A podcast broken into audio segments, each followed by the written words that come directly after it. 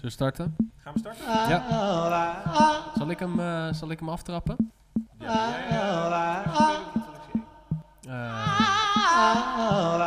Dit is de wereld van morgen. Met Nick Kieran en Lorenzo van Galen. De podcast die zich verdiept in technologie en welke veranderingen dat brengt in de maatschappij. een nieuwe podcast, een nieuwe dag. Een nieuwe podcast. Een, een nieuwe podcast, inderdaad. Nick, jij hebt jezelf al geïntroduceerd. Leuk dat je er weer bij bent. En Bob, welkom. Ja. Fijn dat jij er weer bent. En we staan weer niet met z'n drieën, want we staan vandaag met Henk Oving. Eh gekscherend ook wel de Water Guy genoemd, eh, maar officieel eh, de watergezant. Ja, goed hier te zijn. Ja, welkom. Ja, Welkom. met uitzicht op het water. Ja, nou inderdaad. Net, ja. Half bevroren, dat Ja. wel. Maar goed. Het was ook niet makkelijk om een afspraak te maken. Want, eh, Nee. het, het- het was, eh, het, het was een planning me wel. Eh, ik denk dat dit de moeilijkste plannen podcast was van ons. Nou, inderdaad, want, want je reist veel voor je werk. Ja, dit is, deze was ook bijna niet doorgegaan. Mm. Maar dat eh, Oh. hadden we jullie maar niet verteld, want het was nog niet helemaal... Eigenlijk had ik in Jakarta moeten zitten. Oké. maar dat is verzet, dus we eh, verder geen bericht hier naartoe. Ik reis veel, eh, drie van de vier weken ben ik eigenlijk niet in Nederland, maar in de wereld aan het werk. Eh, niet alleen eh, natuurlijk, maar met een heleboel andere organisaties, mensen, eh, partijen van publiek en privaat, van Wereldbank tot NGO. Aan water, vraagstukken. Waar we het ook vandaag over gaan hebben. ja. Ehm, nou, leuk dat je er bent. Ehm, als je zit te luisteren, kan ik me heel goed voorstellen dat je denkt: wat is een watergezant? Hmm. Ik denk, we hebben allebei, we, we ja, Ja, we hebben beide woorden wel eens, eh, gezant en water. Oké, Ja. maar wat is dan een watergezant? Nou, een gezant is een thematisch ambassadeur. Dat wil zeggen dus een ambassadeur met een thema. Vertegenwoordigt in diplomatieke zin het Koninkrijk der Nederlanden in het buitenland. En ik doe dat niet in een land, zoals een ambassadeur voor een- van Nederland bijvoorbeeld in het Verenigd Koninkrijk nu een mooie spannende tijd heeft, of in de Verenigde. Staten. Maar ik doe dat over de hele wereld. eh, en dan op het thema water. En dat is dan te veel, te weinig, te vies water. Dus echt letterlijk problemen met water. Maar ook eh, met de Verenigde Naties, dus in multilaterale setting eh, of in samenwerking met andere landen. En voor ons bedrijfsleven. Samen met het bedrijfsleven ook op pad om de wereld, als het gaat over die waterproblemen, beter te maken. Ja, want ik las, eh, we hebben een voorgesprek gehad voor deze podcast. En toen eh, bespraken we dat er drie redenen waren waarom het vorige kabinet eh, een watergezant in het Ja. leven heeft geroepen. Heel, heel beknopt gezegd is reden 1 dat water nog te laag op de politieke agenda staat. Reden 2 was is dat er heel veel ellende is, maar ook heel veel kansen zijn met betrekking tot water. of de invloeden van water in, in internationale zin. En de derde was innovatie en transformatie. Eh, heb ik opgeschreven destijds. En dat is aan het eh, ontsnappen of aan het halen van de praktijk van gisteren hadden we beschreven. Nou, dat leek ons een mooie, eh, een mooie insteek voor deze podcast. En eigenlijk, voor, ik, wilde, ik had een hele mooie voorbereiding gemaakt hiervoor. Voordat ik Bob introduceer. Is er helemaal Maar- water in gegaan? Er is heel wat water doorheen gaan. Maar één, één zinnetje, een kop van een krantartikel, deed ons wel, wel lachen. En dat is dat Henk Ovink heeft Obama een polderdenker gemaakt. Dat was hem toch, Lorenzo? Ja, dat was hem. Dat las ik toen ik een beetje ging, eh, ging lezen eh, en, en ging googlen op jouw naam. En ik, denk, ik denk dat de Volkskrant was, ehm, maar de, de, de kop was eh, Henk Ovink eh, laat Obama polder denken. En dat vond ik zo, dat vond ik zo mooi. En dat ging over eh, volgens mij de, de eh, orkaan Katrina. Sandy, Of eh, Sandy in Ja. eh, 2015 was dat, meen ik. 12. Oh, 12? Ja, ja. Eh, oh, oké. Sorry. nou, maakt niet uit.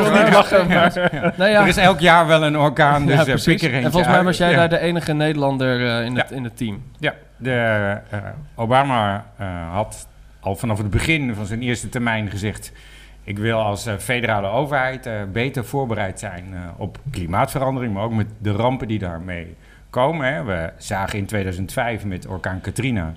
dat de federale overheid helemaal niet klaar was voor zo'n ramp. En Mhm. nou, Obama zei, dat zal mij niet overkomen. No Katrina on my watch, zei hij letterlijk. Hm. En hij vroeg dus zijn kabinet bedenken en aanpakken dat wij als federale overheid klaar zijn mocht het misgaan. Want je weet het maar nooit. Eh, en het ging mis. Het ging natuurlijk Ja. wel vaker mis, maar niet zo erg mis als met orkaan Sandy. Ehm 65 miljard dollar schade minstens in die New Yorkse regio. Eh, honderdduizenden huizen verwoest. eh, en mensen helaas ook gestorven. Kortom, het ging echt mis. En Obama wilde klaar zijn. En een van de manieren eh, om jezelf te organiseren als federale overheid, hadden ze bedacht een taskforce. eh, onder Ja. leiding van de president. Dus hoogste, chefzaggen zouden wij misschien zeggen. Of eh, in ieder geval, het is hoogste prioriteit. En aan de bak. Snel handelen, meteen de rommel opruimen. Mhm. En tegelijkertijd een plan maken, ook in korte tijd, om de wederopbouw zo te laten plaatsvinden dat je je al gaat voorbereiden op de toekomst. Ja, dus dat was zowel ja, repareren als preventief weer Ja. voor... En dat was nieuw. eh, en toen kwam de voorzitter van die taskforce, eh, de minister van Housing and Urban Development, Sean Donovan, Donovan, die belde en die zei: Kan ik langskomen? Ik ben op vakantie in Berlijn met mijn vrouw en kinderen. Jullie in Nederland eh, hebben het goed geregeld. Ik Mm. kan denk ik nog wel iets leren. Nou, en daar begon het hele verhaal. Ja. Nou goed, wij hadden eigenlijk al bij het voorgesprek al van we kunnen met water zoveel kanten op. En Mhm. zeker als we het gaan linken in onze podcast met innovatie. Hm. Eh, maar Nick, waar, waar gaan we het specifiek vandaag over hebben? Nou, eh, ik in het eerst Bob- waterdomein. Ja, nee, ik wilde eerst Bob eh, introduceren. Eh, Want die is er ook nog, eh, zeker. Eh, de maar ik ben podcast, er altijd bij, toch? de, Ja, de Bobcast-reeks eh, vereist ook een introductie. Eh, Bob de Wit, professor Dr. Bob de Wit, eh, spreker, eh, docent aan Nijrode Universiteit, Business Universiteit eh, en adviseur bij Strategy Works. En meestal int- houden we de, in, de introductie beknopt, maar Bob, jij spreekt komend weekend, geloof ik, of het weekend erop, op een hele grote conferentie. Wil je Nou, daar wat over vertellen? Nou ja, ik spreek heel vaak op conferenties, maar dit is een, eh, Ah, deze wel is een, wel- nou, dit is wel een bekende conferentie. Het is de Bilderberg-conferentie, toen nog bij, door Prins Bernhard opgericht. En dat kom je dan op uitnodiging. En eh, nou, daar ben ik geen spreker over, maar ik heb een stuk geschreven over, eh, over de digitale toekomst, over de digitale revolutie. En dat, ja, dat vonden ze zo'n leuk stuk dat ze het voorgepubliceerd hebben. Dus dat is wel eh, Hm. een beetje geëxplodeerd. Dat is nou overal terechtgekomen. Dus, eh, dus dat is wel mooi. Maar ja, het is het, kijk, de, de toekomst wordt wel bepaald door die twee elementen. Hè. Het, is, het is de innovatie, hè, de technologische revolutie. Dat, dat is wat één wat de toekomst bepaalt. En het andere water. Hè. En, en daaraan ge- ge- gelieerd eh, klimaat. Dat zijn wel de twee onderwerpen die onze toekomst bepalen. Nou, ik, ik, toen je dat zei, toen dacht ik toen dacht ik gelijk van ja, waarom water? Want ja, ik bedoel, weet je, het komt uit de kraan bij ons en ja, ik spoel het toilet door en dan doen, doen we bij wijze van spreken ook gewoon met drinkwater. En je denkt er niet echt bij na. Je staat er ook niet echt bij stil. Is dat ook, een- is dat ook een probleem van, van, veel, van veel mensen? Nee, eh, ja, Nick zei het al bij het begin. Hè. Een van de redenen eh, om een watergezant aan te stellen van het vorige kabinet is dat het laag op de agenda, politiek, maar ook maatschappelijk eh, staat. Dat wil eigenlijk ook zeggen hè, dat het bewustzijn. eh, of is het nou een probleem of is het nou geen probleem? Is er ook niet helemaal. Dus moet je nou zuinig zijn met water of niet? Wat doet het eigenlijk allemaal met ons? En het linkt natuurlijk eh, mooi wat Bob zegt. ook aan die innovatie en die digitale kant. Het Wereld Economisch Forum wat in januari bijeen kwam weer in Davos. He- heeft ook weer eh, een risicolijstje gemaakt. Nou, klimaatverandering staat nu eh, dwars, eh, dubbel en dwars bovenaan. En water staat weer in de top 10, net als elk jaar. Eigenlijk altijd in de top 5 of top 3. Eh, kortom, het is een grote ehm, nou, drijver voor ellende. Maar als je, dit, als je er goed mee omgaat, dan is het ook echt een kans. En dan is die innovatiekracht is super belangrijk. en je moet dan wel goed begrijpen, en daar komt dat bewustzijn weer, wat het allemaal is. Want hebben we nou te veel, te weinig of te vies? En eh, is dat dan ook erg? Hè? Want Ja. dat is de andere kant. Nou ja, dat is heel erg. Er zijn meer dan 2 miljard mensen in de wereld die niet goed eh, g- eh, gezond drinkwater drinken. Dan denk je, nou, is het dan gewoon niet lekker? Nou, nee, dan worden mensen ziek van. En dat gaat, is niet alleen slecht voor gezondheidszorgkosten. Het is ook slecht voor de gezondheid van die mensen. Ja, Ja, Als kleine baby's eh, dat water drinken, krijgen ze hersenschade. Daar hebben we geen pilletjes tegen. Dus dat zit meteen ontwikkeling in de weg. Dus dan creëert water naast problemen in de gezondheid ook ongelijkheid. En als er geen water is, dan zie je dat het vrouwen en kinderen zijn die vaak gedwongen eh, in, die, in culturen eh, urenlang eh, water moeten halen. En dan kunnen ze dus geen bijdrage leveren aan de lokale economie. Hm. Maar tegelijkertijd ontneem je ze de kans om zichzelf te ontwikkelen. En met die ontwikkeling ook die gemeenschappen weer vooruit te brengen. Dus water is niet alleen een fysiek probleem zoals we daar in Nederland naar kijken. Van nou, een dijk. Nee, het is ook echt een sociaal probleem, een economisch probleem, een cultureel.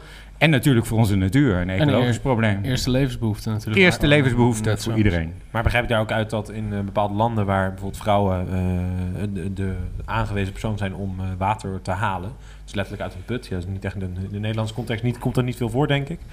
Eh, maar dan haalt goed water ook eh, ja, ongelijkheid tussen, tussen man Ja. en vrouw weg. Ja, ongelijkheid weg. En het, die vrouwen zijn toch veel ondernemender dan mannen. Eh, we staan hier wel als een groepje mannen bij elkaar, maar eh, dat, zo zit de wereld wel in elkaar.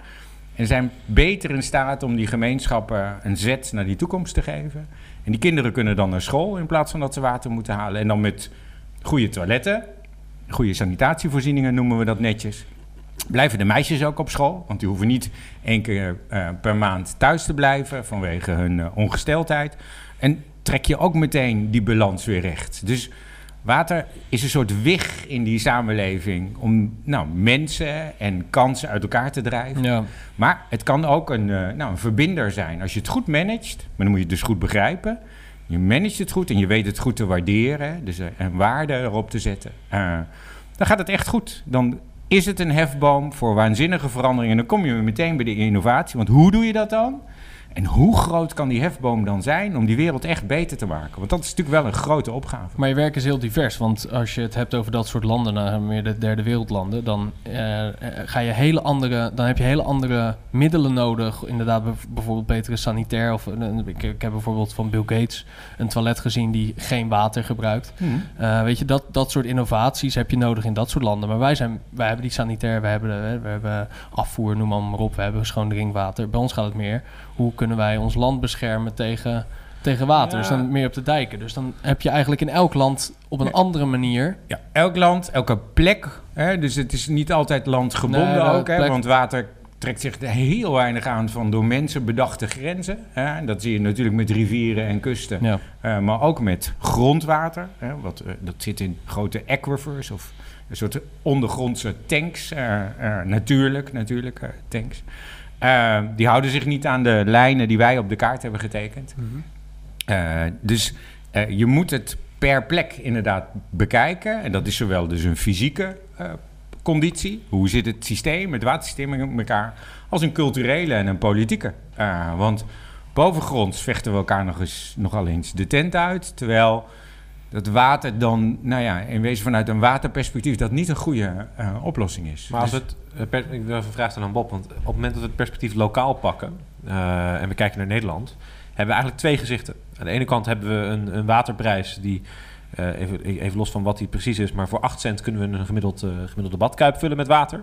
Een schoon water, dat je ook kan drinken, dus je zou ook die hele badkuip kunnen leegdrinken. Anderzijds kun je ook voor 3 euro een flesje van een halve liter kopen op het, op het station. Eh, doen we allebei, eh, denk ik, als gemiddelde Nederlander. En anderzijds, ik bijvoorbeeld, als ik kijk naar mezelf, ik ben eh, opgegroeid onder de rook van de eerste stormvloedkering van Nederland.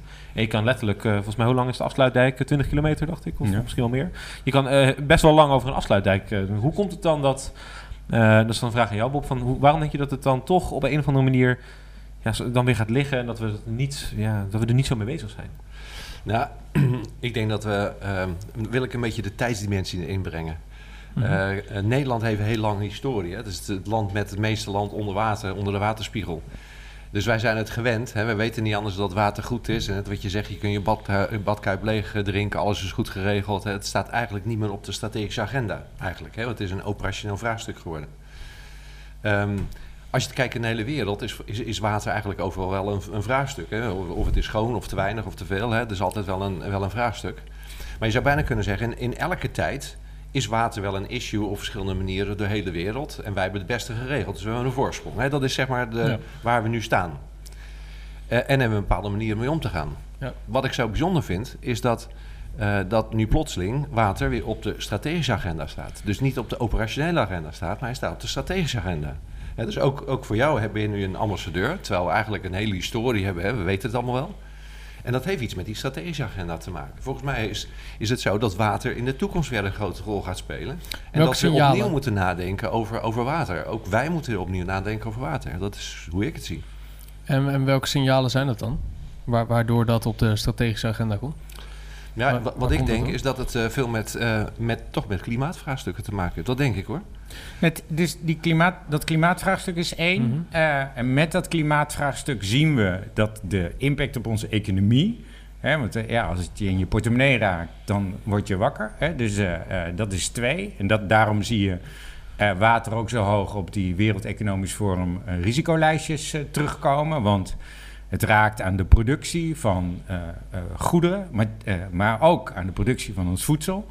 Als je dan kijkt naar de wereld, je hebt een, wereld, een, wereld die langzamerhand een middeninkomenwereld aan het worden is. Hè. Dus die middenklasse explodeert. Hè. Die bevolking explodeert nog eens een keer, maar die middenklasse nog veel verder. Dus die groei in behoeften die gaat versneld omhoog. Dat betekent dat die voedselvraag enorm is. Nou, Ja. 70, 80 procent van al het water in de wereld wordt gebruikt door de landbouw. Ja. Tada, dat is een directe drijver om te zeggen: oh, water wordt schaarser en schaarser. Dat is dus de ene kant. eh, eh, de andere kant, het raakt. Waterstormen of droogtes raken onze productiecycli. En eh, je, je ziet in, bij grote overstromingen dat dan bijvoorbeeld één productieplant of een haven eruit ligt. Maar omdat die een onderdeel is van een keten, hè, want onze economische systemen zijn natuurlijk global systems. Als je één schakel eruit haalt, zakt de hele boel in elkaar. Dus als eh, in Azië een haven eh, overstroomt, dan kunnen ze in Amerika hun spullen niet meer krijgen of Nee. leveren. Dus die kwetsbaarheid, en dan is klimaatverandering een grote drijver, is enorm. 90% van alle rampen die we zien in de wereld is watergerelateerd. Dus dat is niet een beetje een meerderheid, dat is een hele grote meerderheid. Dus je moet je gaan voorbereiden op die onzekerheden. En als je dat goed doet, dan is die voorbereiding een manier om te innoveren en daar je kracht uit te halen. En dat Maar- is maar- denk ik wat wij in de wereld proberen te doen. Maar is wordt het water nou omdraaien. ook een groter probleem? Want hè, de Ja. dingen die je vertelt, ze is volgens mij van alle eeuwen. Hè, Hmm. problemen met water. Eh, maar het komt hoger op de strategische agenda te staan. Wordt water nou een groter probleem? Want het, het heeft ook wat te maken met, met de omvang van de wereld. Hè, waardoor je meer water nodig hebt. Ik geloof niet dat direct met de middenklasse te maken heeft. Maar de groei van de bevolking zorgt voor van alles. Je hebt meer water nodig. Ehm, maar dat is ook hè, dat is een, een, logisch ding, het is een groeiding. Maar waarom komt nou op die, op, hoog op die strategische agenda terecht? Hoe komt dat nou? Waarom gaat zo'n World Economic Forum er nou tegenaan bemoeien? Ja. En Nou, waarom omdat komt dat het ergens anders? het- ja, dat heeft toch meer met die ramp, niet met de ramp, want die zijn Ja. er altijd wel geweest, denk ik. Maar Ja, het is wel een vraagstuk natuurlijk, maar Ja, maar de ra- A, met klimaatverandering, extremen worden extremer. Dus dat wil zeggen, eh, die droogtes worden langer en intenser. En die perioden van natheid worden weliswaar korter, maar heviger. En die stormen worden sterker. Dus eh, de impact neemt toe. Het is niet alleen de frequentie die toeneemt van de ellende. Het is ook echt de impact. Twee, we groeien nog steeds en onze economie groeit. Dus het- de waarde die we in de wereld hebben wordt meer. En als die impact groter is en die waarde meer is, hè, verliezen we met rampen ook meer. Dus er staat meer op het spel eigenlijk elke dag. Eh, met die groei van de wereldbevolking is er ook een groei van eh, vraag. Hè? Ja. Dat zien we in de voedsel. De, die voedselvraag gaat niet gelijk op met de bevolkingsvraag. Maar die voedselvraag die gaat veel sneller. En als die veel sneller gaat, is er ook een veel grotere vraag, een versnelde grotere vraag. Eh, als het gaat om producten en aan de basis van die producten zit weer water. Als je dan nog even naar de stad kijkt, hè, want we verstedelijken snel. Meer dan de helft van de wereldbevolking leeft in die stad. Dat wordt 75 of 80 procent. Maar uit de analyses blijkt dat de verstedelijking sneller groeit aan onze kusten en in onze, aan onze rivieren. Dus op de plekken waar het kwetsbaar is als het er misgaat. Dus eh, het is, morgen is echt onzekerder. Dus dat het op die strategische agenda gaat, komt omdat het onze economie en onze samenleving raakt. Ja. En ook omdat eh, wij die ecologie met eh, de manier hoe we produceren ook nog aan het verpesten zijn. Hè? Dus eh, we kunnen niet altijd rekenen op het water wat we eigenlijk uit de natuur halen. Ja. Dus we worden kwetsbaarder. Dat doen we voor een groot gedeelte zelf. Nou, daar kunnen we beter wat aan gaan doen. En als je kijkt naar bijvoorbeeld China of India, daar hebben we wel eens dat voorbeeld gehad. Hè? Eh, in India hebben mensen nu geld voor twee maaltijden per dag. Eh, nou, straks eh, verdienen ze meer, meer te besteden. Gaan er drie maaltijden per dag. Nou, hoeveel mensen wonen in India? 1, zoveel miljard. Hm. Dat zijn best wel wat maaltijden die dus ja, ook water vragen. Eh, zijn dat, zijn dat, hoe, kan, ja, hoe kan je dat tegengaan? Hoe kan je, kijk, ik snap het met, met, met rampen, prima. Eh, die, eh, hoe, jij, hoe jij daar in Amerika bent geweest, dat kan je, dat kan je herhalen als er zo'n ramp zich voordoet. Maar hoe kan je omgaan met, met, met, met dat bijvoorbeeld, dat voorbeeld? Ja, naast de rampen hebben we nog sluipmoordenaars als zeespiegelstijging en die Ja, hele lange droogte. Maar goed, hè, dus ook goed om na te bedenken dat het zijn niet altijd shocks hè, die in één keer voorkomen. Het zijn ook langzame stresses. Ehm, eh, maar als je kijkt naar de landbouw, de landbouw kan veel zuiniger omgaan met water, kan veel efficiënter zijn. We doen fantastische programma's op plekken waar bijna geen water is in Afrika. Eh, en dan helpen we met analyses die heel vaak uit satelliet, satellietdata komen. Eh, hebben we dat, die hele gebieden in kaart en weten we exact waar een beetje water te halen is. Of hoe je de waterschaarste in verband kan brengen met waar de boeren het water halen. En dan helpen we ze ook nog eh, door, door hen capaciteit te bouwen, kennis met slimme technieken. Eh, om met dat hele kleine beetje water toch een hele maximale eh, productie eh, op gang te krijgen. Dus langzamerhand, alleen dat is allemaal kleine initiatieven. Die moet je op schaal krijgen, die moet je groter maken. Hè, maar je ziet gelukkig dat we dankzij techniek en innovatie, met open data, het delen ervan, met capaciteitsprogramma's op de grond, waarin kennisorganisaties, NGO's en overheden en investeerders de handen ineen slaan en zeggen van wow, hey, oh, dit werkt, nou, dan doen we het maal 100 en dan maal 10.000 en dan maal. Dus dat lijkt snel hè, in één zin, maar dat gaat in de praktijk echt toch nog wel langzaam. Eh, eh, dus dat, die waterverspilling, die is nog niet voorbij, maar daar zit een grote Kan kans natuurlijk. Hè? Dat kan slimmer. Hoe lang hebben we daarvoor nodig? Ja, daar is ook wil voor nodig. Hè? Want dan moet de landbouwsector ook mee. Hè? In Nederland hebben we gezegd, die moet helemaal circulair worden. De rest van de wereld heeft dat nog niet gezegd. Hè? Dus eh, zolang de, de landbouwsector met z'n allen niet zegt... weet je, ook wij gaan eh, water als prioriteit beschouwen. En, eh, Maar daar is dus een heel groot, groot daar zit een kans. halen. Ja. Eh, Maar de andere kant is de uitdaging op de kwaliteit van water. Maar ik wil heel even pessimistisch zijn. Ja, dat mag Dat- hoor. Ja. wil ik, even een, een, eh, misschien een beetje een vervelend knipoogje. Op het moment dat, eh, nou, we zeiden net, je kan een bad vullen voor 8 cent. Eh, we willen dat het landbouw circulair wordt. Maar met 8 cent per, of voor mij was het 84 cent per kub water die je in Nederland betaalt als consument. Eh, ja, wij hebben geen excess aan water, we hebben geen, eh, geen tekort. Kijk, ik kan me heel goed Dat is niet voorstellen. helemaal waar. Maar, nou, ik kan me heel ja. goed voorstellen in, in Afrika op het moment dat daar echt een probleem is, dat je daar heel erg zuinig mee omgaat, want eh, ja, je moet. Eh, in Nederland is dat denk ik in de bedrijfsvoering van heel veel, eh, nou ja, van heel veel partijen in de landbouwsector wellicht niet nog een eh, aangrijpende reden om daar wat mee om te gaan. Nou, is er dan ook met Nederland heeft besloten om een circulair land te worden, een, bijvoorbeeld regelgeving daarop ingesteld? We hebben in het verleden al hele goede afspraken gemaakt en die zullen we heus nog weer verbeteren met de industrie en de landbouwsector over watergebruik. Eh, over de aard van het water, of zij hetzelfde water moeten gebruiken voor het besproeien van hun land als dat je uit de kraan haalt, hè, wat toch vrij duur water is. Ja, precies. Eh, dat hoeven ze ook niet en dat doen ze ook niet met de industrie. Eh, recycle, dus hergebruik, afspraken. En ik moet heel eerlijk zeggen, onze Nederlandse eh, eh, landbouw en industrie is heel goed in juist zuinig gebruik van water. Dus eh, als wij zeggen 70 tot 80 procent van de watervoorraad wordt door de landbouwsector gebruikt, dan is dat een wereldwijd gemiddelde. Dus ook hiervoor geldt weer dat de innovatie over hoe je slim en zuinig en om kan gaan met water, is ook wel in Nederland te halen. Waarin je niet elkezelfde kwaliteit voor water gebruikt voor hetzelfde onderdeel van het proces. Je kunt het schonen hè, en dan zijn we weer heel slim met onze watertechneuten. Die halen van die- dat afval uit dat water, maken ze weer energie. En die energie gebruiken ze weer om een productieproces eh, te runnen. En het water wat ze dan dus schoon uithalen, afhankelijk van hoe schoon, kun je weer gebruiken voor je land of uiteindelijk ook voor het drinken. Dus die, die innovatiekracht zit daarin. Maar eh, dat wil niet zeggen dat dat gemakkelijk zomaar over de wereld uit te rollen is. Twee, ook wij lopen in Nederland tegen eh, nou, de grote opgave aan dat die kwaliteit van water onder druk staat. Want bijvoorbeeld met medicijnen, Ja. de medicijnresten in water, die halen we er met een normaal filter nog niet uit. Hè? Dus hè, we gebruiken meer medicijnen, we plassen het allemaal eh, uit en we spoelen het door het toilet. En dat komt uiteindelijk gewoon weer in ons drinkwater terug. Nou, ik, ik, als, je, als je naar de landbouw kijkt, daar kan je in Nederland een circulair eh, landbouw eh, eh, voeren. Maar dat is op hele kleine schaal. En je had het net over dat, dat schalen als je echt grote impact wil maken. Dus grote, ja, grote stappen. Ehm, zijn al die kleine initiatieven, ja, hoe, hoe, kan je, hoe kan je die grote massa meekrijgen uiteindelijk? Dus als jij, als jij in Nederland een circulair land gaat landbouwen, hoe kan je bijvoorbeeld in Amerika, in Amerika dat op grote schaal. Ja, is een goede vraag. Ik denk dat die watersector, maar het is ook wel, denk ik, misschien dat Bob daar iets over kan zeggen.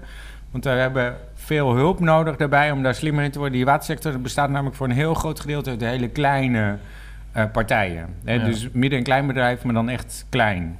Dat betekent, eh, en dat is in Nederland, maar is in de hele wereld. Het is ook een versnipperde wereld. Hè? Dus, en als je nou, eh, nou twee dingen onhandig zijn om schaal en reproductie eh, goed en snel voor elkaar te krijgen, zijn dat die twee dingen. Dus die eh, wereld die kijkt echt wel om zich heen. Zegt van hé, hey, als die innovaties er zijn, hoe pakken we dat dan samen? Een mooi initiatief is eh, wat eh, in, in Nederland gebeurt, in Leeuwarden, in Friesland.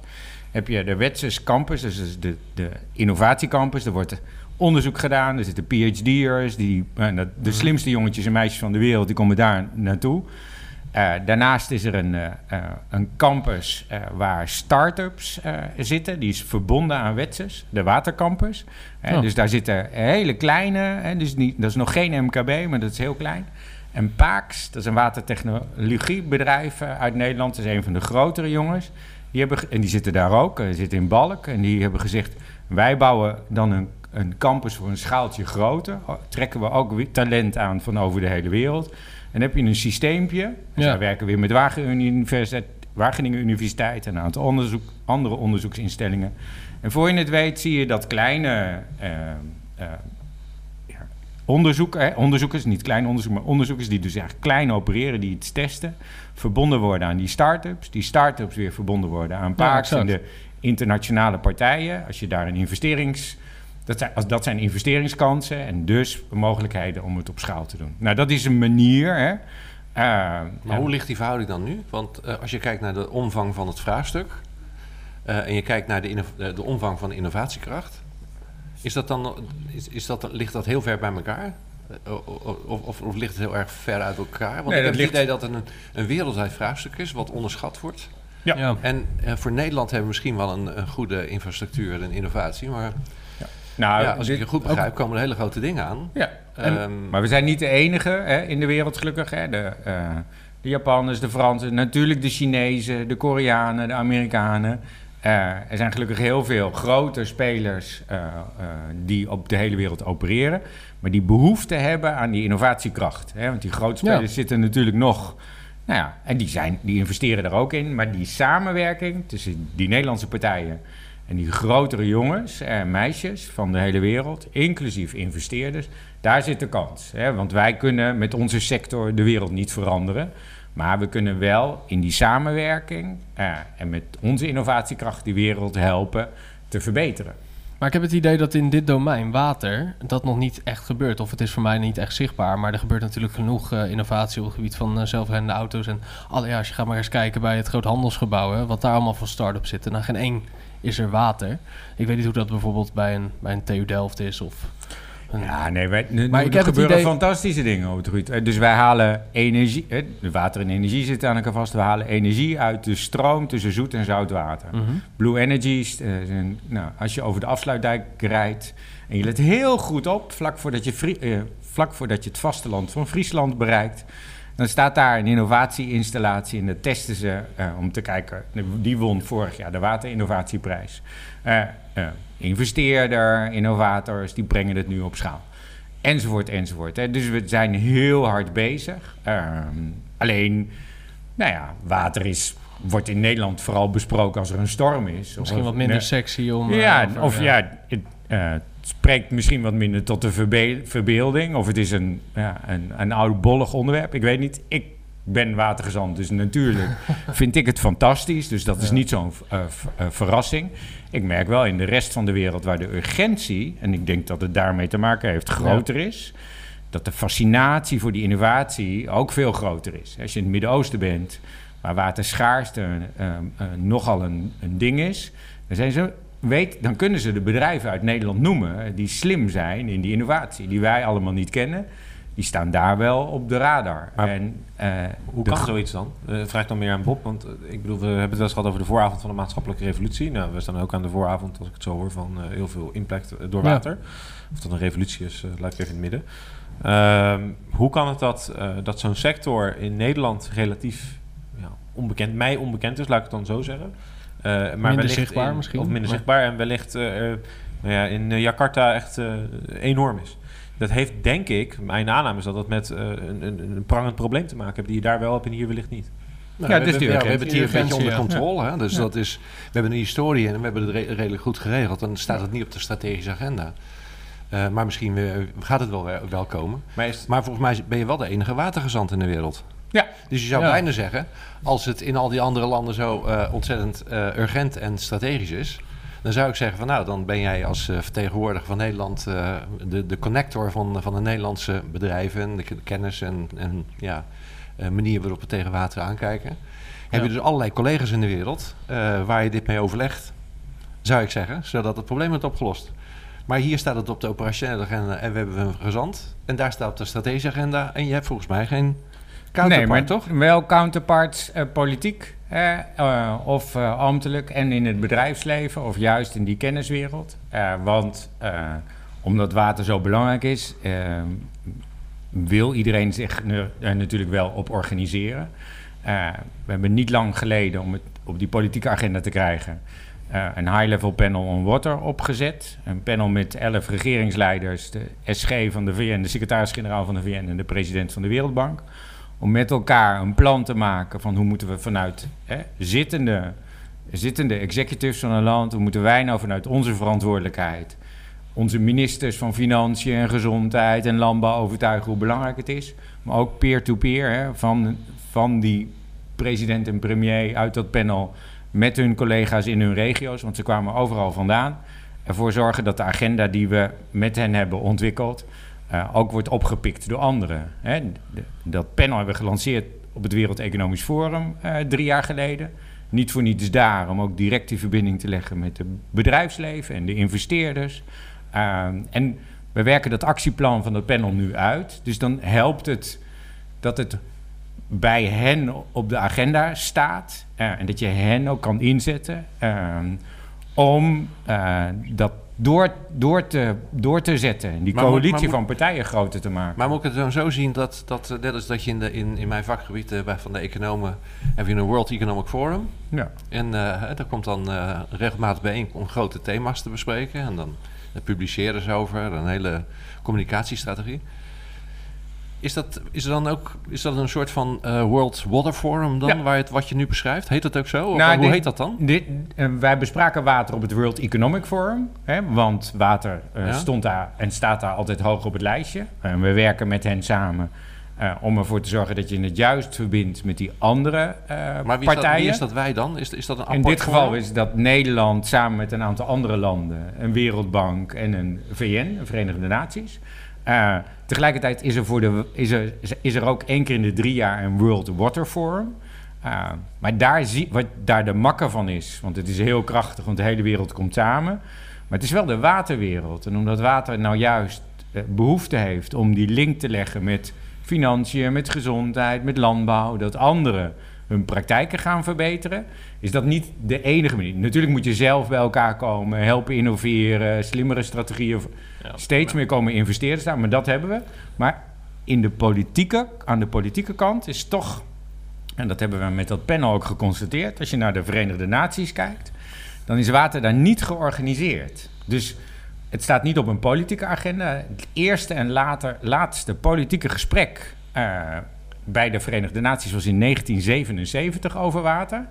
Eh, en er is geen organisatie bij de VN die water tot haar mandaat, zoals we dat dan zo Ja, mooi maar, noemen. maar ik zou gelijk denken, van dat is, lijkt me dan een gewe- geweldige kans voor eh, zowel voor Nederland als voor jou. Ja.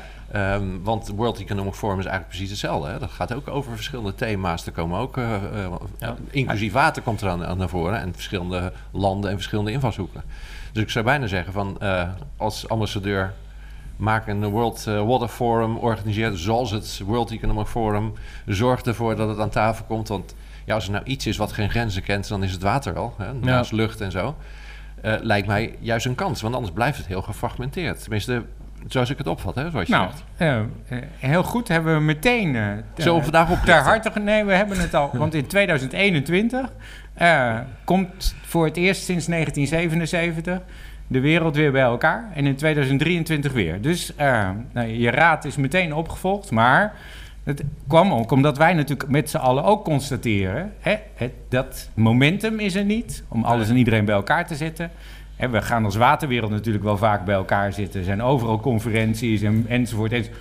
Maar dat gaat vooral om hoe kunnen we beter en slimmer zijn. Maar die verbinding met de rest van de wereld en het hoger op die agenda krijgen, dat is superbelangrijk. Daarom hebben we dat panel ook opgericht. Zijn we een paar keer met de VN, maar ook met het bedrijfsleven en, en de NGO's en de academische wereld. Maken we een boel stampij in de wereld. Maar het is wel belangrijk om dat momentum te creëren. Dus 2021 in New York. Nou. Eh, Heren, dit is volgens mij een, eh, een eh, primeur voor jullie, of niet? Nou, snap Hè, dat is, dat is, Ik denk het wel, ja. Ik denk het wel, ja, Hoe wat Wolf voor hem, hè? Wordt, wordt hier. Officieel gemaakt. En, en wat, wat wordt jouw rol daarin? Word je dan eh, secretaris-generaal of zo? Of Chief, Nee. water, Chief Water Officer. Chief Water Officer? Nee, we doen het. eh, zoals dat gaat natuurlijk met elkaar. Hè? eh, want dat is wel super belangrijk. maar ehm, eh, ik ben inderdaad eh, de komende periode vaker in New York om ervoor te zorgen dat we. eh, dat dat ook een succes kan worden. Ja, maar, Hey, we hebben het al, we hebben het al een eh, aantal keer laten vallen, de urgentie. Ja. En Bob, voordat wij de podcast eh, starten, heb, eh, heb jij eens een, een term laten vallen. Dat was eh, eh, ehm, eh, watervluchteling. Vertel. Nou, dat weet ik, dat weet ik niet eens Nou, meer. oh, nou, we hadden het over klimaatvluchtelingen. Ja? En daar had jij eh, toen watervluchteling van gemaakt. En dat vond ik zo'n mooie term. eh, wat heel erg, altijd. ja, oh, nou, Ja. wat heel erg, de, Ja. heel erg die urgentie eh, aanstipt. Ja. Ehm, want ze vluchten omdat ze of te veel of Nou, te exact. weinig water hebben. Ja. exact. Dat zijn er 250 miljoen individuen in 2050, naar schatting. Ja, dit is veel eh, discussie over dat cijfer. Eh, en eh, weet, dit, als je alle onderzoeken leest, en heb ik de afgelopen periode weer gedaan en met veel mensen over gehad, dan, is het, en dan zegt ook de Wereldvluchtelingenorganisatie, zegt, die, die hoeveelheid vluchtelingen is best heel moeilijk te bepalen. We, en een heleboel vluchtelingen vluchten in hun regio en gaan ook weer terug. Hè. Is dat dan een vluchteling of is dat dan iemand die even heen en weer... Maar eh, displacement is heel groot. Eh, afgelopen jaar volgens mij 56 miljoen eh, mensen. Dus eh, nou, dat is, ook dat getal zal wel weer eh, ter discussie staan. Dus de VN heeft een schatting gemaakt. eh, en daar rolt dan... ro- en dat is weer op basis van onderzoek rolt iedereen overheen en zegt van wat is dat dan? Ik vind het eigenlijk niet zo interessant. Het is heel veel. Zilver, hè, ja. het 10% van het Afrikaanse continent on the run. En waar ze dan naartoe gaan en hoe, door te weinig en te veel water, dat zijn de grote drijvers. En wat je dan ziet, is niet zozeer dat aantal, maar de ontwrichting. Eh, mensen gaan weg, niet omdat ze dat leuk vinden, omdat ze nergens meer naartoe kunnen. Want ze willen echt het liefste blijven op de plek waar ze woonden en werkten. Inmiddels familie- politiek wat, Ja. wat stabieler. Ja. eh, En als het dan doordroogt, eh, er geen veestapel meer en geen, niks te eten meer is en ze moeten weg. Dus ze komen bij die stad en er is niks te verdienen. Nou, dan krijg je echt schrijnende verhalen van ouders die hun kinderen laten prostitueren... omdat dat de Hmm. enige manier is om nog een inkomen te krijgen. Met alle gevolgen van dien. En dan gaat de internationale wereld helpen. En die gaat dan aan het eind zeggen... dan zeggen ze, nou, dan gaan we opvang voor die kinderen... en scholing en medicatie. Maar ja, dat, is, dat helpt niet, hè. Dat is, eh, eh, je moet aan het begin zijn. En aan het begin was waterproblemen. Dus die, dat maakt een watervluchteling ook wel weer tot iets wat je aan zou kunnen. Hè? Want dan moet je bedenken, waar zit de kern van het probleem? Te veel of te weinig? Is dat te veel omdat ze op een, op een plek wonen waar je eigenlijk niet zou moeten zitten? Of zou je die plek eigenlijk nog wel kunnen beschermen? En als je dat goed doet, kunnen die mensen blijven? Of kunnen ze echt beter weg? Hè? Omdat nou, met zeespiegelstijging en met het bouwen van dammen... onze rivieren het niet meer doen en die kusten verdwijnen... kunnen we beter andere plekken voor hen vinden. Zijn ze geen vluchtelingen, maar verhuizen ze gewoon. ja. Dat is toch een andere manier om ermee om te gaan. En met droogte precies hetzelfde. Kun je met het beetje water wat, dat is, wat er is een bestaan opbouwen? Oké. Dan zetten we alles op alles om dat bestaan goed te laten zijn. Kan het niet, dan zijn er andere plekken waar het beter kan. Dus het, het begrijpen van het probleem helpt je in het bedenken van de oplossingen. En dan word je dus niet reactief in iets wat pas ver daarna komt, een gevolg van Ja, die vluchtelingenstroom. Maar dan ga je aan de, aan de oorzaak werken. Want dan is er vast wel politieke aandacht voor. Ja, hè, op en het dat is dat altijd die, het- eh, de op ellende. komt. Ja. Politiek zijn we reactief. eh, Ja. Maar mm, vanuit maatschappelijke verantwoordelijkheid zouden we heel proactief eh, eh, moeten werken. Daar zit natuurlijk de kans. Maar ja, die moeten we wel pakken. Mogen, want ik, eh, ik, we hebben het over vluchtelingen of verhuizers. Ehm, er is een hele mooie dataset die bijhoudt hoe ver Nederland verzakt, om Hm. het over water te hebben. Eh, ik hoop toch eh, de leeftijd van eh, 76 te bereiken. En de reden dat ik dat zeg, dat is precies over 50 jaar. Ja. Eh, dan is mijn huis dusdanig gezakt dat ik denk dat hij er niet meer staat.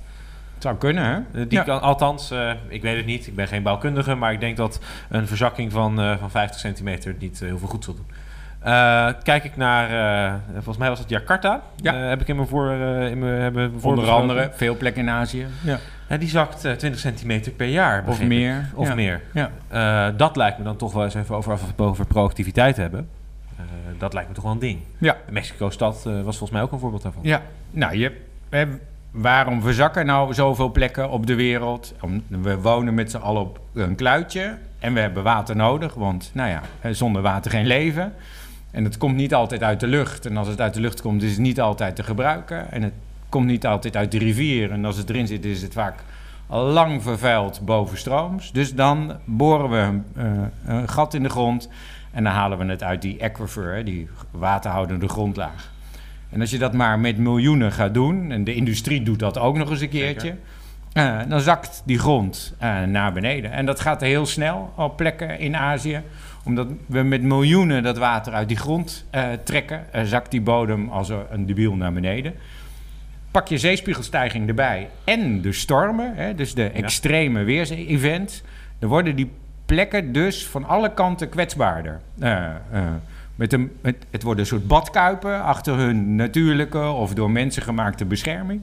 Omdat die grond inzakt en ze kijken tegen die kust aan die dat het water steeds maar hoger wordt. Eh, met een storm, een, een, een tyfoon of een tsunami of een, nou ja, een ont, eh, ont, ontplofte vulkaan die een tsunami Ja. veroorzaakt. Eh, ja, dan zijn het misschien niet 500, maar de volgende keer 500.000 slachtoffers door dit soort enorme events. En de, En waar zit je aan te denken qua oplossingen? Want dat verzakken lijkt me ongeveer...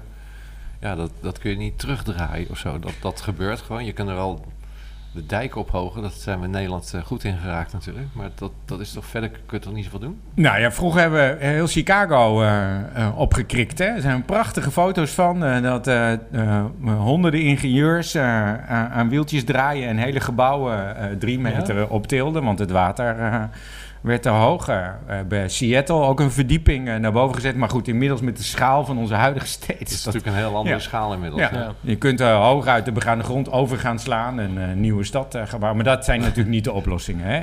Ook hier zit de oplossing weer in de kern. Eh, meteen stoppen met water uit die grond halen. Dat kan alleen maar als je het bovenstrooms niet vervuilt. Dus dat is ingrijpen in, eh, nou ja, in onze economie.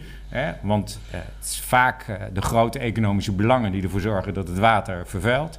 Eh, het tegengaan van ontbossing en dus weer bossen aanplanten, zodat die erosie niet plaats, enzovoort. Hè. Dus het is een, Het is een een reeks van ingrepen waar je eigenlijk vandaag gewoon mee zou kunnen beginnen, die allemaal aan de kern van het probleem zitten. Eén, we zijn eigenlijk op veel plekken in de wereld ook nog wel o- goed in het, het dan heb ik geen goed Nederlands woord. Ja, het weer vullen van die water, natuurlijke water, recharge van die aquifer.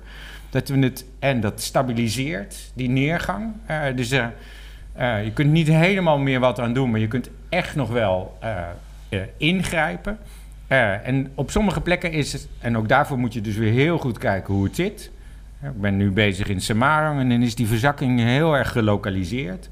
Op een plek waar de economie het hardste groeit en waar het dus ook het meeste uit wordt gehaald. Als je daar nu mee zou stoppen, dan is er nog echt veel winst te halen. Dus die wake-up call van verzakking, zeespiegelstijging, kwetsbaarheid en, en ook de kwaliteit van het water. eh, dat Maar- zit maar daar is- weer zo is- aan elkaar. Daar maar- kun je echt wat aan doen. Maar is die er ook wel? Ik bedoel, als die urgentie er is, hè, dan... En je kijkt naar de mensen die nu aan de... eh, er is dus niet zo, nog, nog nooit zo'n forum die dat, die dat Hm. aan kan zwengelen. Ja. Dus je bent afhankelijk van ja, hoe de politiek eh, lokaal opereert. Eh, die hebben wel wat anders aan de hoofd, hè? tenminste, heel vaak. Ehm, Die hebben wel andere korte termijn problemen eh, aan hun hoofd. En dit zijn echt lange termijn dingen. Ja. En het gaat om hele grote bedragen. Ja. Dus je ziet wel een oplossing. Ja, grote belangen, hè. Want op het moment dat je zegt stop met pompen... eh, want het was ook in Kaapstad... eh, hè, wat vorig jaar in het nieuws was... Hè, omdat eh Day Zero bijna was voorkomen, zogenaamd. Eh, Kaapstad haalt zijn water uit oppervlaktewater. Daarvoor hebben ze dammen. Eh, door eh, de, de weersomstandigheden was het waterpeil zo gezakt... dat er water voor het kritiek was. Maar ja, Kaapstad is ook een ingewikkelde regio, een ingewikkelde plek. De grootste hoeveelheid mensen heeft helemaal geen toegang tot drinkwater. Dus die, oh ja, de- daarvoor veranderde eigenlijk niet zoveel. Alleen werd het nog erger en nog schaarser. En de mensen die het zich konden voorloven, boorden gewoon een gat in de grond.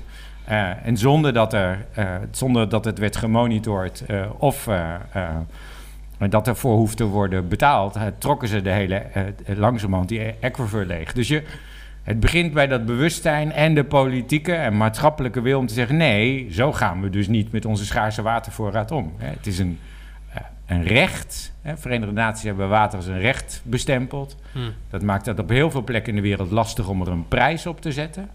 Wij zeggen dan: je kunt wel een prijs op de services zetten, hè, op de techniek om het water bij jou te laten komen. En we moeten het beschermen. Nou, Maar daar, Ja, maar daar- dat, is, dat is het technische gedeelte. Hè? Dat, dat, Ja.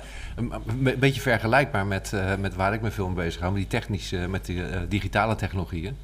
Eh, ook daar zie je dat, dat echt wel binnen een aantal jaren zien we hele grote veranderingen, revoluties aankomen.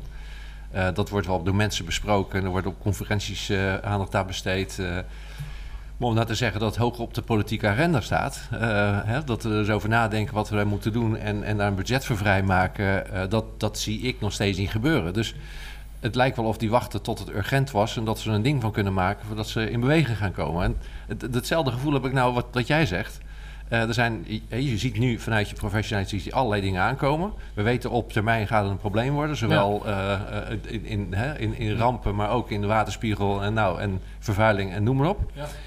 Ja, hetzelfde is het klimaat. Maar, hè? en, Ja. en ook hier Ja. lijkt het wel, als ze gewoon zitten te wachten. Nou, als er echt een probleem komt, dan, eh, dan worden Dan we gaan we ingrijpen. Maar heeft het Ja? niet gewoon te maken met hoe de politiek werkt? Ik bedoel, als je als je, als je, je partij eh, verkiesbaar wil maken... of hè, als, je, als je verkozen wilt worden... dan is dit misschien niet het meest interessante onderwerp om op te gaan zitten.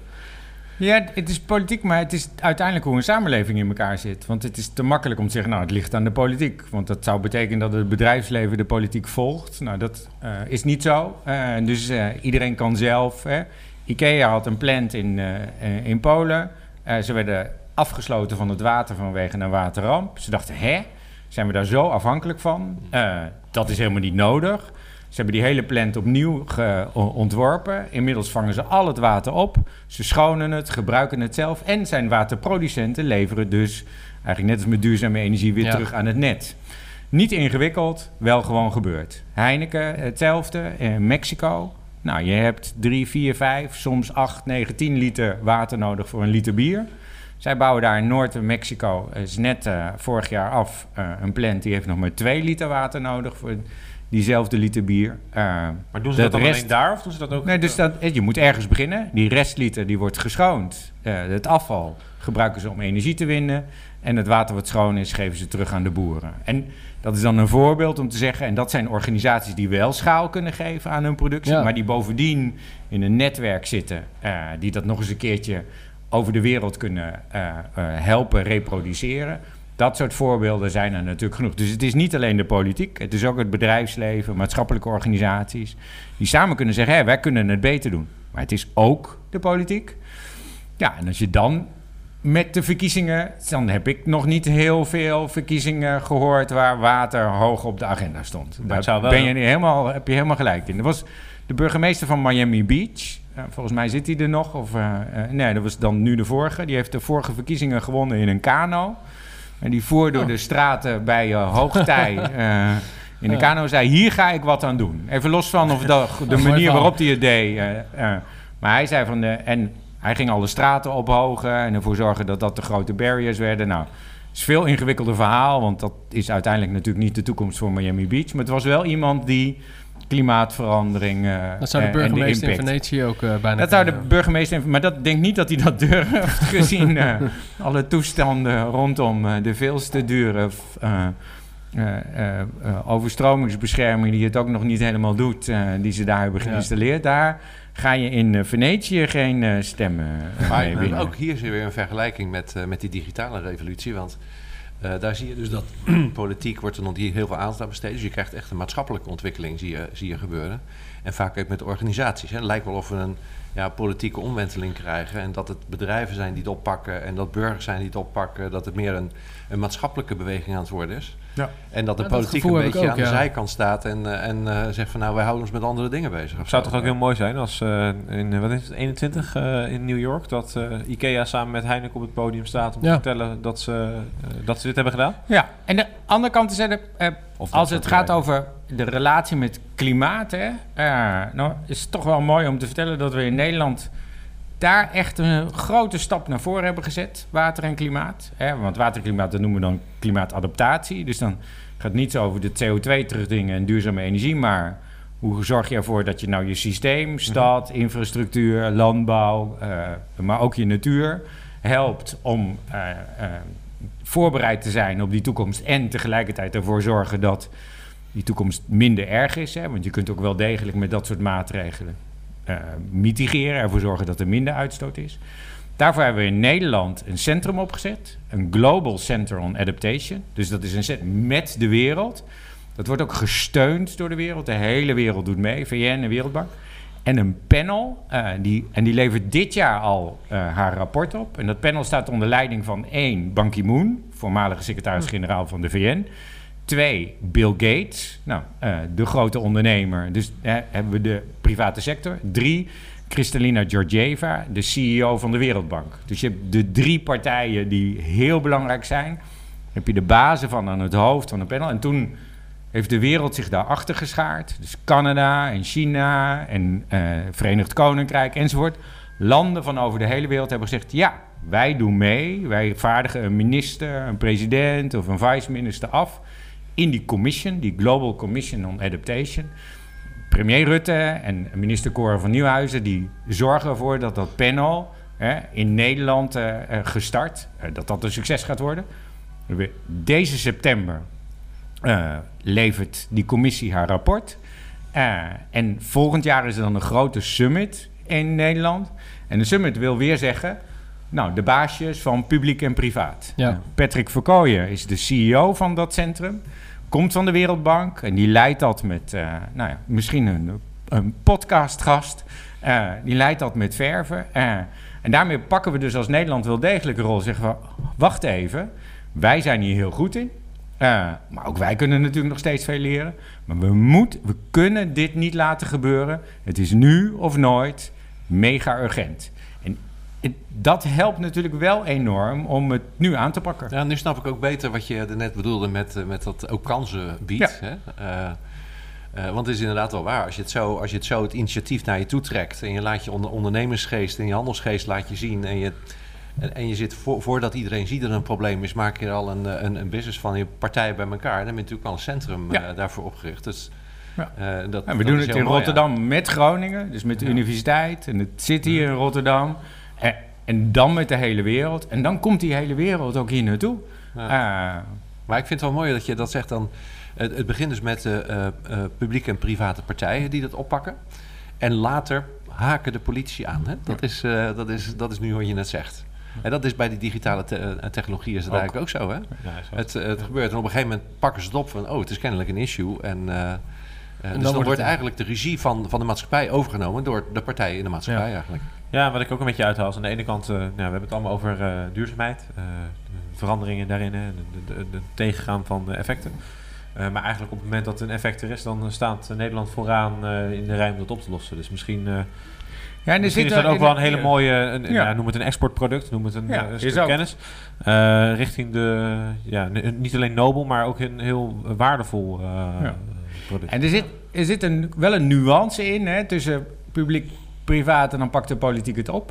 Eh, want ook de oprichting van dat High-Level Panel on Water, dat hebben we echt met de politiek. eh, maar ja, als er geen vraag uit die samenleving komt, ja, dan heeft het niks, niks Nee, geen klopt. zin. Hè? Ja, dat klopt. Dus zijn we nadat we zeker wisten dat die politieke leiders ja zouden gaan zeggen, dat we, die urgentie was bij hun, zij wilden het.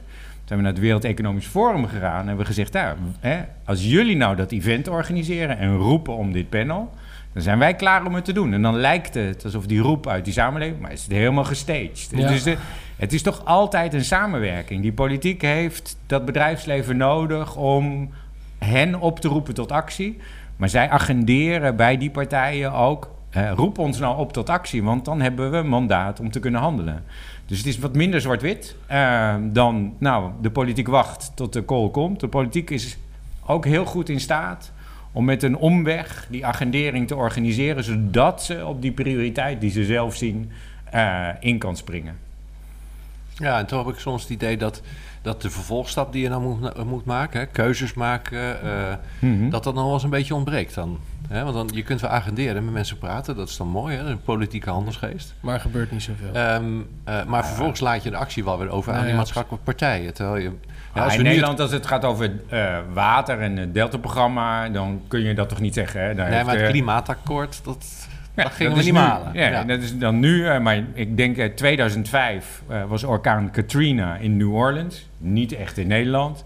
Het Nederlandse kabinet zei, zijn wij wel klaar? Eh, die vraag werd beantwoord Nee, door de commissie Veerman. Veerman zei, nou, vandaag wel, maar overmorgen niet. U moet aan de bak met een wet, een programma, een commissaris en geld.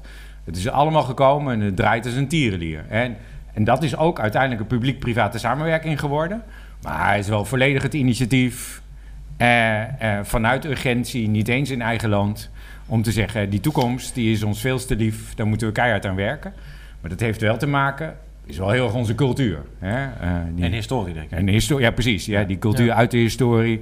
Dat leven met water is in Nederland uitgevonden. Ja, het laat, laat het ons dus niet gebeuren dat dat, eh, dat ons ook onze dood wordt. Nee, Ja, precies. Ja. Ja, maar we, Heel cru op die manier, Ja. maar- we hebben het over politiek gehad, over eh, de Heinekens van deze wereld. Mijn vraag is, kan je zelf doen? Kan de burger wat doen? Of in ieder geval, ja. Geen Ja, iedereen kan natuurlijk wat doen. Heeft, hè? heeft dat zin? Ja, ik las Als ook ik net een- weer een twittertje over wat maakt één rietje nou voor zin. Nou, als een, een miljard mensen dat rietje niet gebruiken, zijn er dus een miljard rietjes niet gebruikt. En is er ook geen vraag naar rietjes. En hebben we die ellende met die plastic ook niet. Dus iedereen kan natuurlijk wat doen, omdat één keer een miljoen zijn een miljoen. En dat is Nee, schaal. tuurlijk, dus ja. je moet. Hè? Eh, twee, eh, we zeiden dat we genoeg water hebben. Nou, dat is in Nederland niet meer zo. Eh, afgelopen jaar hadden we een enorm droge zomer. Gek genoeg, maar dat is wel tekenend voor deze tijd, hadden we ook een natte winter en heel stormachtig. Een jaar geleden sloten we alle vijf de stormvloedkeringen. Hè? Dus extreme waren in één jaar, in 2018, eh, goed te zien in Nederland. Maar die droogte heeft ervoor gezorgd dat in Oost-Nederland de balans in het water nog niet gevonden is.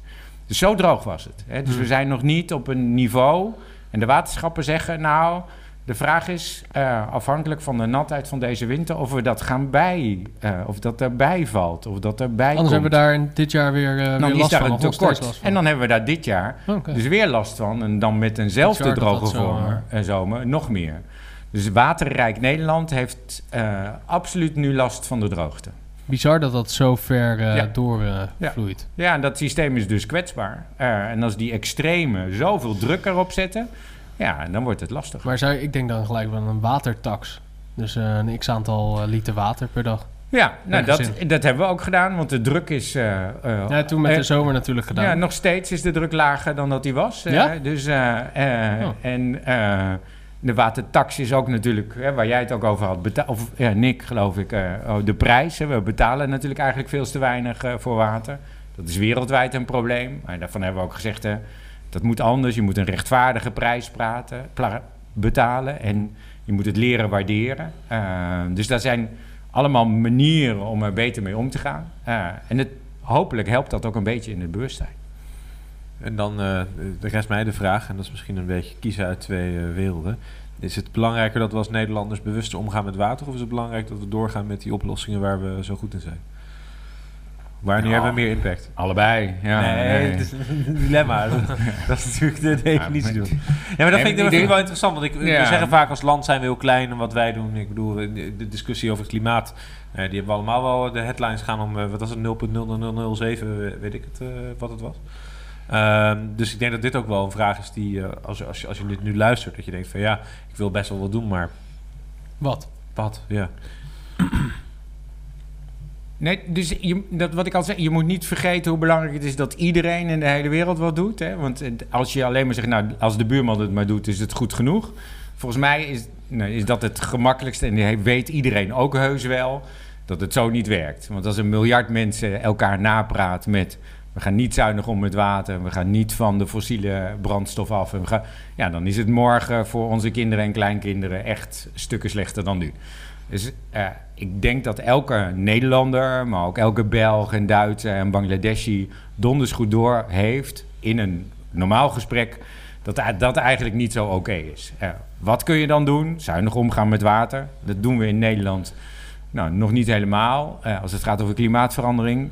alle maatregelen nemen die je maar kan bedenken. Minder vlees, niet meer zo vaak in die auto. Om te beginnen, van het gas af, duurzame energie enzovoort.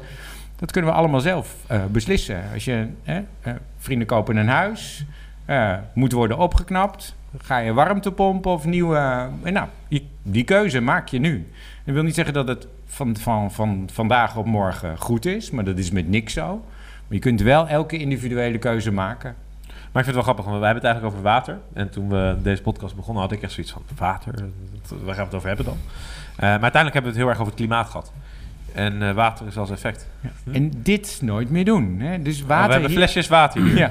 Water komt hier uit de kraan, is hartstikke goed en lekker. ja, en dat- voor dat elk heet- flesje eh, heb je een paar liter water nodig om het te produceren. Maar er Dus- zitten dan geen bubbels in. Maar ik vond, ik vond eh, daar, daar heb je dan weer... Nee, maar Daar dat is wel je- een goed punt. Want bijvoorbeeld. Nijrode is, er, is er echt een beleid dat, dat eh, alle deelnemers krijgen een, eh, een flesje. Zo'n dopper. eh. En, eh, ja, zo'n dopper. En dan kun je zelf water tappen. Maar dit is verboden, hè? Dus op Nijrode. Hartstikke Dus goed. dat is wat je wel kunt doen, hè? Als, als organisatie. wat gebeurt er als je als eh vol vivant door, eh door Nijrode loopt? Ja, een Ja. dopper. Ja, Ja, nou, dus, dopper. ja. Ja. Ja, ik heb er zelf ook een, moet ik Ja. eerlijk eens af toegeven. ja, SodaStream doet het ook goed natuurlijk. Ja, Ja, dus dat het soort bedrijven. En, het is heel, en ik was in Vietnam, kom natuurlijk op heel veel plekken. eh, had een afspraak met de minister van Water. En Vietnam associëren we niet meteen met het land waar je nou water uit de kraan eh, drinkt. En dan komt die zaal binnen. eh, je bent natuurlijk eerder dan hij. eh, dat is natuurlijk belangrijk. En er staan voor het eerst geen plastic flesjes meer, maar kannen van gezuiverd water. En dan zegt hij, ja, het beleid van het ministerie, voeren we overal door. Nou, als ze het in Vietnam kunnen, dan kunnen wij het ook. Hè? Toen- Daarna was ik in Singapore. eh, en daar eh, eh, sprak ik met de minister van Water. En Singapore heeft, is een klein eiland. En die willen water onafhankelijk van hun regio zijn. Dus die zijn heel erg bezig met het innoveren. Daar ge- hergebruiken ze elk gaat soort water, water. hè, elke druppel. Dus eh, eh, water wordt wel vijf keer opnieuw eh, gebruikt. Daar zijn ze heel erg goed in. En die zei, ja, hoe doe ik dat nou eigenlijk met plastic? Zei- toen zei ik van, nou, je zou hetzelfde kunnen doen als je met je water. Was gewoon nog niet bij me opgekomen. Dus zo zuinig met water, eh, zo niet zuinig met plastic. Dus die, we moeten gewoon ook heel veel eh, tegen elkaar zeggen en de goede voorbeelden delen en het mensen aanreiken om te zeggen van, nou, het kan. En als je het dan gaat doen, er zijn dat soort plekken waar een paar miljoen mensen eh, wonen. eh, super impactvol voor de wereld. Wij zijn met z'n 17 miljoen, een beetje meer. Nou, 17 miljoen, nou, het zijn er toch een heleboel. Ja, en het, het, eh, je ziet, het, eh, je ziet veel, veel meer voorbeelden. Hè. Ik bedoel, de verpakkingsloze supermarkt waar eh, over. Volgens Ja. mij komt er nu een initiatief dat er mensen naar de supermarkt gaan op één specifieke dag. En dat ze daar dan ter plekke de boodschappen gaan uitpakken. En dan laten ze alle verpakkingen die dag bij de supermarkt achter. Zo van, die hoef ik niet te hebben. Ik heb mijn eigen potjes en pannetjes en eh, ditjes en datjes. Ehm, dat zijn natuurlijk allemaal andere voorbeelden van hoe je als, du- eh, ja, vanuit duurzaamheid gedaan hebt. Wat ik vandaag heel leuk vond, is dat we het hebben gehad over wat het effect is van... ja, wat, wat, wat is nou het effect als je niet duurzaam bent? Hè, dus wat is het effect als je, niet, als je Op hele grote schaal. op hele grote schaal als er wat gebeurt. Eh, ik denk dat het eh, sleutelwoord van deze podcast is eh, de roep om samenwerking. Nou, 2021, het primeur het World Water Forum, is natuurlijk hartstikke mooi. Ik, vond, ik vond het ook mooi om te horen dat wij in Nederland er heel ver mee zijn. Hè? Dus in, in Maastricht en dat we zien dat de universiteiten ook daadwerkelijk samenwerken.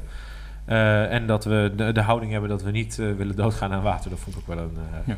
een hele mooie. Ja. Lorenzo, heb jij nog iets toe te voegen? Nou ja, ik zit, ik zit al heel de tijd met een... eh, met, eh, we, we moeten dingen blijven doen, anders is het dweilen met de kraan open. Ja, ja, ja precies. Ja, de En, de- en andere kant is, dat moeten is ook het mooiste wat er is. Ja, absoluut. Dat is wel een hele droge grap. Ja, Ja, maar dat, ja. is, Ik dat moest vind hem ik wel leuk. In Nederland hebben we heel veel metaforen met Ja, water. Met water, ja. Ja, ja, In ja, het ja. water Ik vallen, kan van de regen, het terug. Weet je wat? We- Ja. dat zit zo in onze, in onze manier van denken. Je, je kan overal weer over een watergrap van maken. Ja. Dus eh, dat past heel erg bij ons. Ja. Ja, maar een een van de dingen die, die mij nog even te binnen zo Mag dat nog? eh, Ja, nee, eh, zeker. ehm, het, het, ehm, we hebben het over climate change, hè, wat voor een groot gedeelte ook water is. Eh, hoe kijk jij daar nou als, als ja, onafhankelijke eh, waterdeskundige eh, commissaris, zeg maar minister bijna? Hoe kijk je daar tegenaan? Tegen klimaatverandering. In- in- op welke manier bedoel Nou ja, je? in ieder geval het watergedeelte daarvan. zeg Nou, Je- het wordt heel spannend. En de, de afgelopen weken rolden de onderzoekers weer over elkaar heen. Ja. Je ziet dus ook hier wel een verandering. Hè? Een paar jaar geleden was klimaatverandering echt niet mainstream. Hè? Nu vind je het Ja. elke dag wel in de krant. Zeker. Eh, in elke krant. eh, in positieve of in minder positieve zin. Eh, en de onderzoekers zijn daardoor ook vocaler geworden. Dat vind ik heel mooi, want die onderzoeken zijn er altijd. En er gebeurt heel veel onderzoek over de hele wereld. Maar ze zijn veel beter in staat om de, per, de media te vinden. Om ervoor te zorgen van, hé, hey, wacht, ik heb weer wat gevonden. De andere kant daarvan is dat daar dus... Dat we steeds meer zien van die onderzoeken. Dat er ook heel veel verschillende onderzoeken naar buiten komen. Want dat gebeurt natuurlijk in die academische wereld.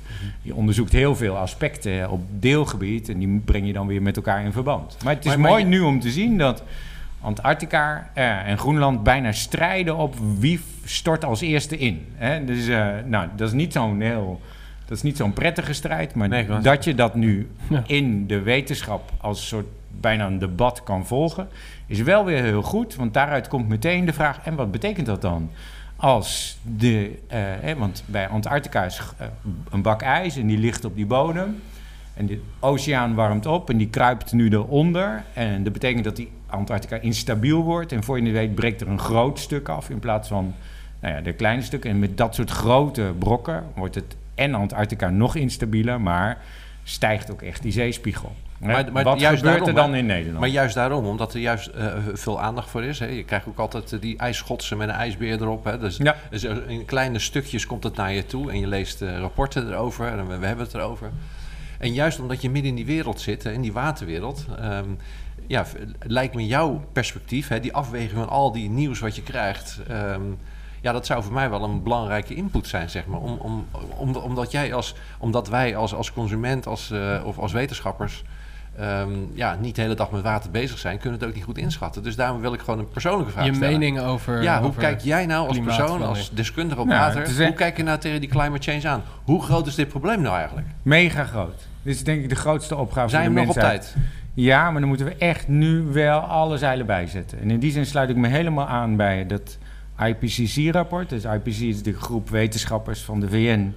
Eén keer in de zoveel tijd een groot rapport, maar ook deelrapporten maken. Ja, Zij- die hadden een heel alarmerend Ja. rapport, ja, dat klopt. zij hadden een vraag gekregen, omdat in het Parijsakkoord stond... we willen maximaal 2 graden opwarmen eh, en ten opzichte van post-industrial levels... maar liever anderhalf. En toen zei de VN, ja, wat is dan het verschil? Hè? Is, dat dan, ja, is dat dan het waard om voor te strijden, eh, die halve graad? En het IPCC, die hele grote groep wetenschappers, die zei heel simpel, glashelder... De week daarna hadden we eh, een conferentie in Genève met twee van de co-chairs. En die waren ook echt... eh, ja, ik krijg je kippenvel van. Eh, en die zeiden van, nou, het is heel simpel. Het verschil is mega groot. Hè? Dus het verschil tussen nog 20% van het kanaal overhouden en niks meer hebben. Eh, eh, dus dit, en, gaan ze maar door, hè? Ja, op wereldschaal...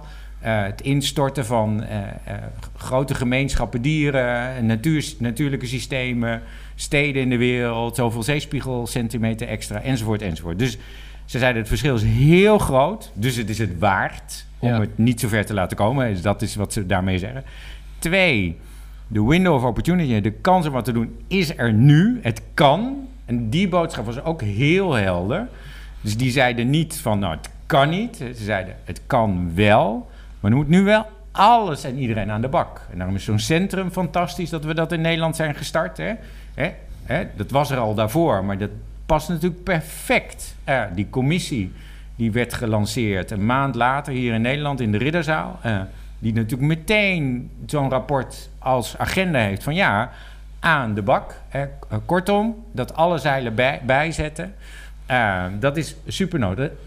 Ook nog een positief ding. hè. We hebben net Katowice gehad. Zo'n klimaatconferentie waar dan één keer per jaar alles Ja. en iedereen bij elkaar komt.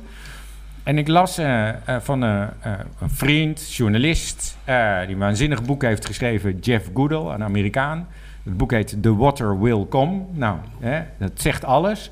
En die volgt klimaat en de politieke en de maatschappelijke discussie over de hele wereld. En die schreef een artikel naar aanleiding van Katowice. En die zei: hey, de Amerikanen hebben het niet verprutst. Integendeel, eh, die hebben een hele constructieve rol gespeeld in Katowice. Dus ondanks Trump, eh, klimaat ontkennen in het Witte Huis, hebben ze misschien een paar publieke events georganiseerd die, nou ja, een beetje zijn agenda konden voeden. Maar ze hadden een waanzinnig goede eh, delegatie met de chief onderhandelaar. De, dat is de vo- voormalige rechterhand van de onderhandelaar van Obama. Hè. Dus ook nou, de mensen die Niveau. het echt begrepen op niveau. En die hebben ervoor gezorgd dat het niet uit de hand is gelopen. Integendeel, dat er gewoon goede afspraken zijn gemaakt. Dus je ziet... En, nou ja, Nou ja, goed, maar dat is een goed antwoord op een die, vraag. Want die wereld heeft het wel door, maar niet genoeg. Het is mega urgent en het moet echt nu. En ja, anders zijn wij al de klos en niet onze kinderen alleen. Nou, het was wel een beetje mijn, eh, mijn gevoel, maar ik vind het wel belangrijk om van jou te horen. Want, hè, want, want, want ja, nog steeds hoor je ontkenning daar, daarover. Tot mijn verbazing. Volgens mij zijn we de ontkenning al lang voorbij. Ja. Ehm, maar dan hoeven we niet, van, niet meer de discussie te voeren of het belangrijk Nee. is. Dan zijn we daar in ieder geval vanaf. Hè, met, eh, vanaf, eh, vanaf deze podcast hoeven we dat niet meer te doen. Eh, nee, maar dat, weet je, dat is energieverspilling. Als we nou gewoon over eens zijn, het is gewoon een mega groot probleem. Laten we energie dan richten om er iets aan te doen. Want Precies. het gaat niet over ons, het gaat over onze kinderen. En eh, Obama had een klimaattaskforce. Eh, en de laatste keer dat we bij elkaar kwamen, eh, eh, dat was een taskforce die bestond uit eh, burgemeesters en gouverneurs van de twee partijen, zowel Democraten als Republikeinen. Dus hij had een gemeleerd gezelschap. En die hadden ook een rapport en we zaten bij elkaar en hij zei tegen hen, want dat, omdat dat zo'n divers zijn groep was, van, uit, vanuit heel Amerika, maar ook vanuit van die twee partijen, zei het is aan jullie, hè? Als ik naar het congres ga, ik, Obama, hij, Obama, en zeg: eh, eh, klimaatverandering moet u wat aan doen, dan beginnen ze een impeachmentproces, eh, zei hij letterlijk. Eh, zeg maar, jullie gaan en jullie gaan vertellen: dit is de, de new normal, dit is de realiteit. Maar dit is ook een kans, want het betekent ook banen in die duurzame energie. Het betekent ook economie. Het is ook een andere, die andere manier is ook een kans. Als we die maar omarmen, dan kan het goed gaan. Dus dat besef, dat leeft natuurlijk al wel wat langer. Maar je merkt dat die urgentie gelukkig eh, eh, nu breder wordt gevoeld. En inderdaad, niet meer lullen over wat en hoe of. eh, nee, dit is de grootste opgave. Aanpakken. Ja, en het mooie is dat al, als er een, een economisch nog het een en ander gaat gebeuren de komende jaren, dan is dit in ieder geval de uitweg. Water zijn we goed in. Water Ja. wordt een mega groot probleem. Water wordt onze Dames, redding. dames en eh, heren, heel veel landen zal misschien een probleem gaan ontstaan. Maar als wij deze keuze maken, Nee, hoor. dan eh, gaan we het in, eh, in Nederland eh, gaan we het goed doen. Voordat ik jullie bedank, wil ik nog twee voorbeelden geven voor de luisteraar. Ik denk die heel leuk zijn. Eh, de eerste is de Weather Channel, Amerikaans bedrijf. Eh hebben stelling genomen door met augmented reality, een mooi voorbeeld van een techniek, eh, nieuwe techniek, eh, om die te gebruiken om bewustwording op dit onderwerp te krijgen. Ik eh, zal de link in de podcastbeschrijving zetten. Het is een fascinerende ja, animatie van wat voor impact water kan hebben. Ik zal hem zo even laten zien ook in dit gezelschap, maar hij staat ook in, eh, in de beschrijving. En het tweede is eh, een heel lokaal voorbeeld. Dat is Daan Rozengaarde, letterlijk op een steenworp hier vandaan. Die heeft het kunstwerk Waterlicht ooit gemaakt. Ja, gaat de hele wereld over. Gaat heel de wereld over. Recentelijk ook hier in Rotterdam, ook in Ja. Amsterdam een tijdje terug. om maar bewustwording te creëren voor dit onderwerp. En misschien is het ook goed dat eh, nou, kunstenaars zoals eh, meneer Roosgaarde, en misschien zal hij dat zelf niet vinden, eh, overal het waterlicht continu moet aanzetten. Omdat je dan elke dag als je bij wijze van spreken het station inloopt, dat je dat kan zien. We hebben steeds naar de VN gehaald, de Verenigde Naties in New York op Wereldwaterdag. Mhm. Hè, afgelopen jaar ook zo'n dag dat het High Level Panel on Water zijn rapport opleverde. Ook weer om maximaal die urgentie te onderstrepen. Eh, ik mocht de, eh, de General Assembly toespreken over dat rapport en onze inzet als Nederland op water. Tegelijkertijd mijn collega-ambassadeur, eh, Karel van Oostrum, zat in de VNVR, de Veiligheidsraad, want wij waren vorig jaar lid van de Veiligheidsraad. En in maart waren we voorzitter. En hield daar een debat over water in de Veiligheidsraad. Dus het agenderen van water op al die verschillende plekken.